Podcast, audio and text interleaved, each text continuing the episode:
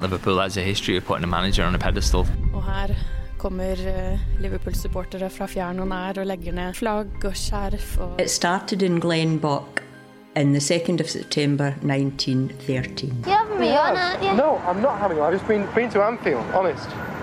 You said. He said, just Det er, det er en sånn litt John F. Kennedy-sak, ikke sant? Altså, alle husker hvor hun var. Nå sto Liverpool uten frelseren, sin Messias, men han hadde skapt et fantastisk utgangspunkt for managerne som kom etter han. what did, what did Shankly mean to you? Everything.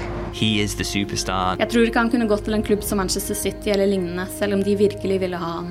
And perhaps most importantly, I think he understood the whole emotional dimension of football because he had, from the very get go, made it a integral part of his coaching. When I left Dortmund, my, my last sentence maybe were it's not so important what people think when you come in, it's much more important what people think when you leave. He loved Liverpool so much. Det er en, det er en historie. Det er, det er vel egentlig den jeg tror mest på, da. Men eh, det er vel ingen tvil om at eh, hadde han fått tenkt seg litt lenger om, så hadde han antagelig sagt noe annet. It still, it still makes me feel very um, emotional.